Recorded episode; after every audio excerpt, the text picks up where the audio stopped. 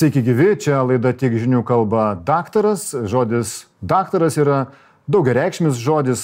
Šiandienos mūsų pašnekovas yra mikrobiologas Vilniaus universiteto medicinos fakulteto dėstytojas daktaras Tomas Kačergius. Sveiki gyvi, ponia Tomai. Jūs esate virusų tyrinėtojas, ar ne? Taip, konkrečiai dirbu su gripo virusu. Su gripo virusu. Ar šitas naujasis koronavirusas yra gripo virusų giminaitis? Deja, tai yra skirtingi virusai priklausantis skirtingoms šeimoms. Todėl mes iš principo turėtumėm juos išdiferencijuoti, išskirstyti, reiškia, tai nėra tie patys virusai. Bet tolimas bent jau giminaitis. Taip, iš esmės jie skiriasi. Skiriasi daug, o skiriasi savo struktūriniais ypatumais, taip kad, na, lyginti tarpusavėje turbūt būtų labai sunku, išskyrus tai, kad jie abu yra perdodami oro lašeliniu keliu.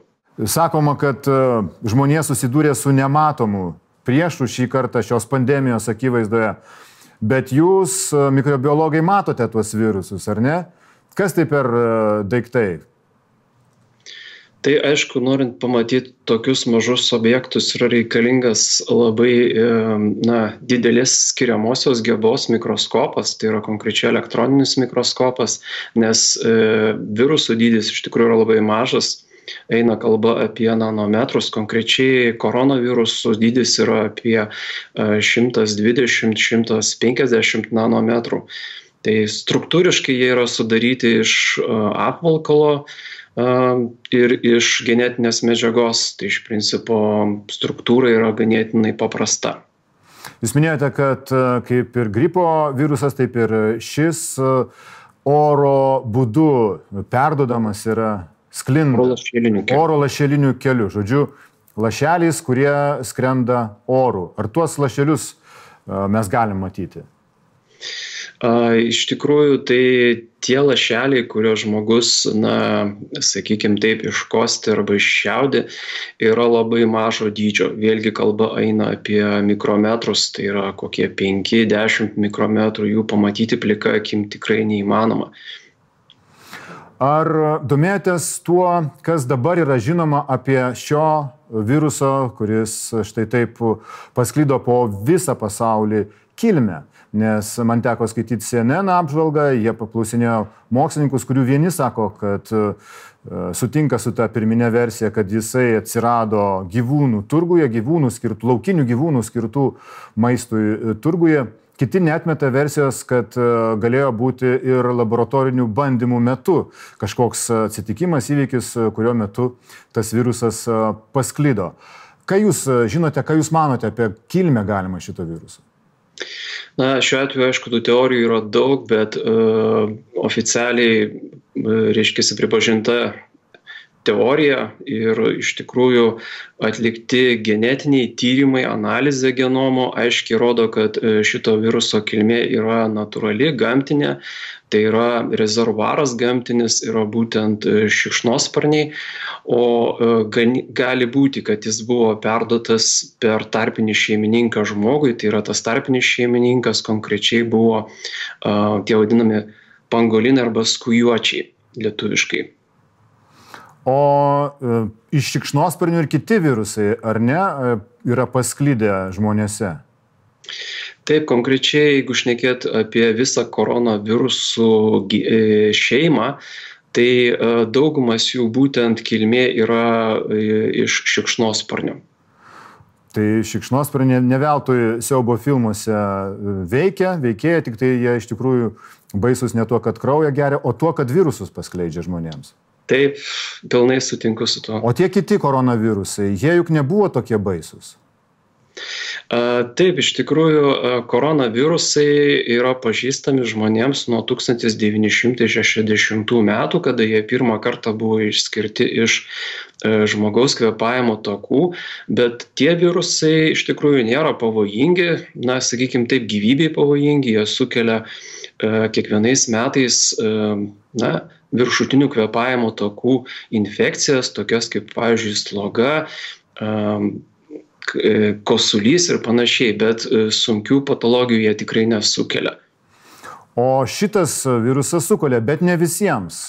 Kaip paaiškinti tai, kad jis taip skirtingai veikia žmonės? Ar įmanoma tai paaiškinti? Taip, iš tikrųjų, kas yra žinoma apie visą šitą koronavirusų šeimą, tai ne tik tai SARS-CoV-2 būdinga, bet ir kitiems koronavirusams, kad jie gali sukelti tas vadinamas persistuojančias arba latentinės slaptas infekcijas, kai simptomai nepasireiškia tai vėlgi gali priklausyti tiek nuo a, pačio viruso individualių savybių, tiek ir nuo pačio žmogaus imuninės sistemos. Tai atsakymas yra imuninė sistema. O kaip vaikai, kurie juk jų imuninė sistema dar tik tai turbūt, nežinau, bręsta, kūrėsi, o jie atrodo, kad beveik visai nėra paveikiami šito konkretaus viruso. Čia gali būti iš tikrųjų dalykas susijęs e, tiek su, reiškia, pač, pačių vaikų imuninė sistema, kad jinai nėra pilnai susiformavusi. Vadinasi, jeigu yra infekcija, tai uh, jinai nesukelia tokio stipraus imuninio atsako, pirmiausiai to vadinamo nespecifinio atsako, kaip pavyzdžiui saugusiam žmogui, kurio imuninė sistema yra pilnai susiformavusi ir kai patenka na, toks patogenas kaip šitas koronavirusas, tai jisai sukelia iš tikrųjų labai, labai audringą imuninės sistemos reakciją ir ta reakcija iš tikrųjų ne tik tai, kad e, nukreipta į patį virusą, bet e, ta reakcija iš tikrųjų yra hiperreakcija. Jis gali pažeisti ir žmogaus plaučių audinį. Čia yra visa problemos esmė. Kitas dalykas tai, kad na, tie receptoriai, kurios, prie kurių šitas virusas tvirtinasi ir patenka į kvepavimo tokų epitelinės ląsteles, vėlgi jie gali būti na, nevienodam kiekyje. Galbūt, sakykime, vaikai turi mažiau šitų receptorių, vadinasi, virusas negalės efektyviai patekti į ląsteles, arba jeigu ir galės, tai mažesniam kiekyje, negu, pavyzdžiui, lyginant su suaugusiu žmogum. Na, o kaip virusas reaguos į tai, kad, pavyzdžiui, Lietuvoje dabar bus vis daugiau saulės? Mes skaitėme, jau mokslininkai tyria, kaip ant kokių paviršių išsilaiko šis virusas, o saulė gali stabdyti jo plitimą? Na, vėlgi, tai yra e, tokie galbūt labiau samprotojimai, kol kas e, konkrečių tyrimų nėra atlikta. E, labai sunku pasakyti iš tikrųjų kaip šitas virusas reaguos į klimato pokyčius. Tai yra ar šiltėjantis klimatas daugiau saulės e, spindulių galės teigiamai veikti, ta prasme sunaikinti šitą virusą ar ne, yra sunku kažką pasakyti, bet uh, uh, žiūrint grinai iš mokslinio taško, tai na, ultravioletiniai spinduliai, kurie yra taip pat ir Saulės uh, spindulių spektro dalis, tai tikėtina, kad uh, virusą, na, šiek tiek galbūt gali ir pristabdyti. Nepaisant e, to, kad čia pavasaris šiaurės pusrutulėje, bet virusas paplito jau visoje, visoje Žemėje, visame po visą Žemės rutulį. Ar jūs tikėjotės, kai buvo pirmieji pranešimai apie šitą naują koronavirusą Kinijoje, kad jis bus toks skvarbus? Na, tą buvo galima iš tikrųjų nuspėti pagal tai, kaip tas scenarius vystėsi visas Kinijoje. Ir čia iš tikrųjų buvo tik tai laiko klausimas, tik tai buvo, sakykime, klausimas, kada tai atsitiks. Nes oro lašilinių kelių plintančios infekcijos, kaip žinot, jos pasižymi ypač dideliu užkrečiamumu ir labai lengvai perdodamos ir turint omenyje, kokios yra šiandieną komunikacijos kaip žmonės bendrauja, kaip keliauja, tai čia buvo iš tikrųjų tik tai laiko klausimas. Bet mes Taip. stengiamės jį sustabdyti čia Lietuvoje, ketvirtą savaitę karantino, sakoma, kad vienintelis būdas, kol nėra vaistų, yra kovoti su juo, tai ta atskirtis socialinė, karantinavimo priemonės. Jūs sekate turbūt statistiką, situaciją, kaip jisai plinta Lietuvoje, ką jums rodo šita, šitie skaičiai, šita jo eiga iki šiol? Na kol kas iš tikrųjų vėlgi labai sunku sakyti apie taip kai kaip viskas tai vystysis laiko prasme. Bet e, sprendžiant iš na Kinijos patirties, tai kaip matot, infekcija maždaug, tiksliau epidemija tęsiasi apie kažkur tris mėnesius. Tai kažką būtų galima bandyti prognozuoti. Vėlgi tai priklauso iš tikrųjų nuo to, kaip žmonės laikosi to karantino. O, o tai, kad karantinas yra būtinas, tai aš manau, kad čia buvo iš tikrųjų geras žingsnis tą padaryti. Tiesiog jisai apribojo infekcijos plitimo greitį ir tokiu būdu, na, tam tikrą prasme iš, išgelbėja sveikatos apsaugos sistemą, nes priešingų atveju, taip kaip atsitiko Italijoje, tai sveikatos apsaugos sistema paprasčiausiai neišlaikė tokio krūvio. Gerai, sveikatos sistema išgelbėta, o kas toliau? Ar gali būti, kad bus naujas šito, šito viruso sezonas rudenį?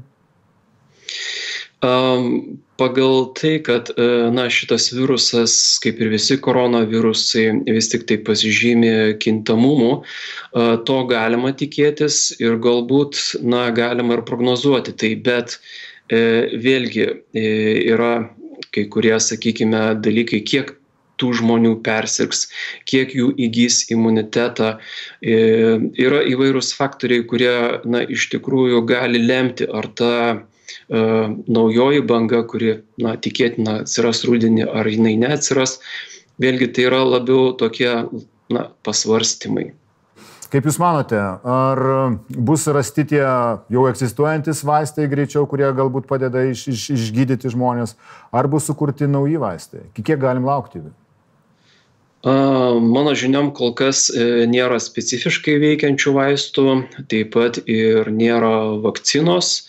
Tie vaistai, kurie yra taikomi, jie yra iš tikrųjų jau žinomi senai, naudojami gydyti įvairioms infekcijoms. Tačiau kas yra suprasta, tai yra tai, kad visi šitie vaistai, kurie dabar bus bandomi, yra bandomi iš tikrųjų pasaulinė prasme. Tai jie yra imuninės sistemos taip vadinami moduliatoriai. E, jie iš tikrųjų sušvelnina imuninės sistemos atsaką ir tokiu būdu apsaugo na, plaučių audinius nuo pažeidimo. Tai yra toks jų efektas, bet konkrečiai specifinio efekto į virusą tokių vaistų kol kas tikrai nėra. Kągi, ačiū Jums už pokalbį. Tai buvo mikrobiologas Vilniaus universiteto medicinos fakulteto dėstytojas daktaras Tomas Kačergius.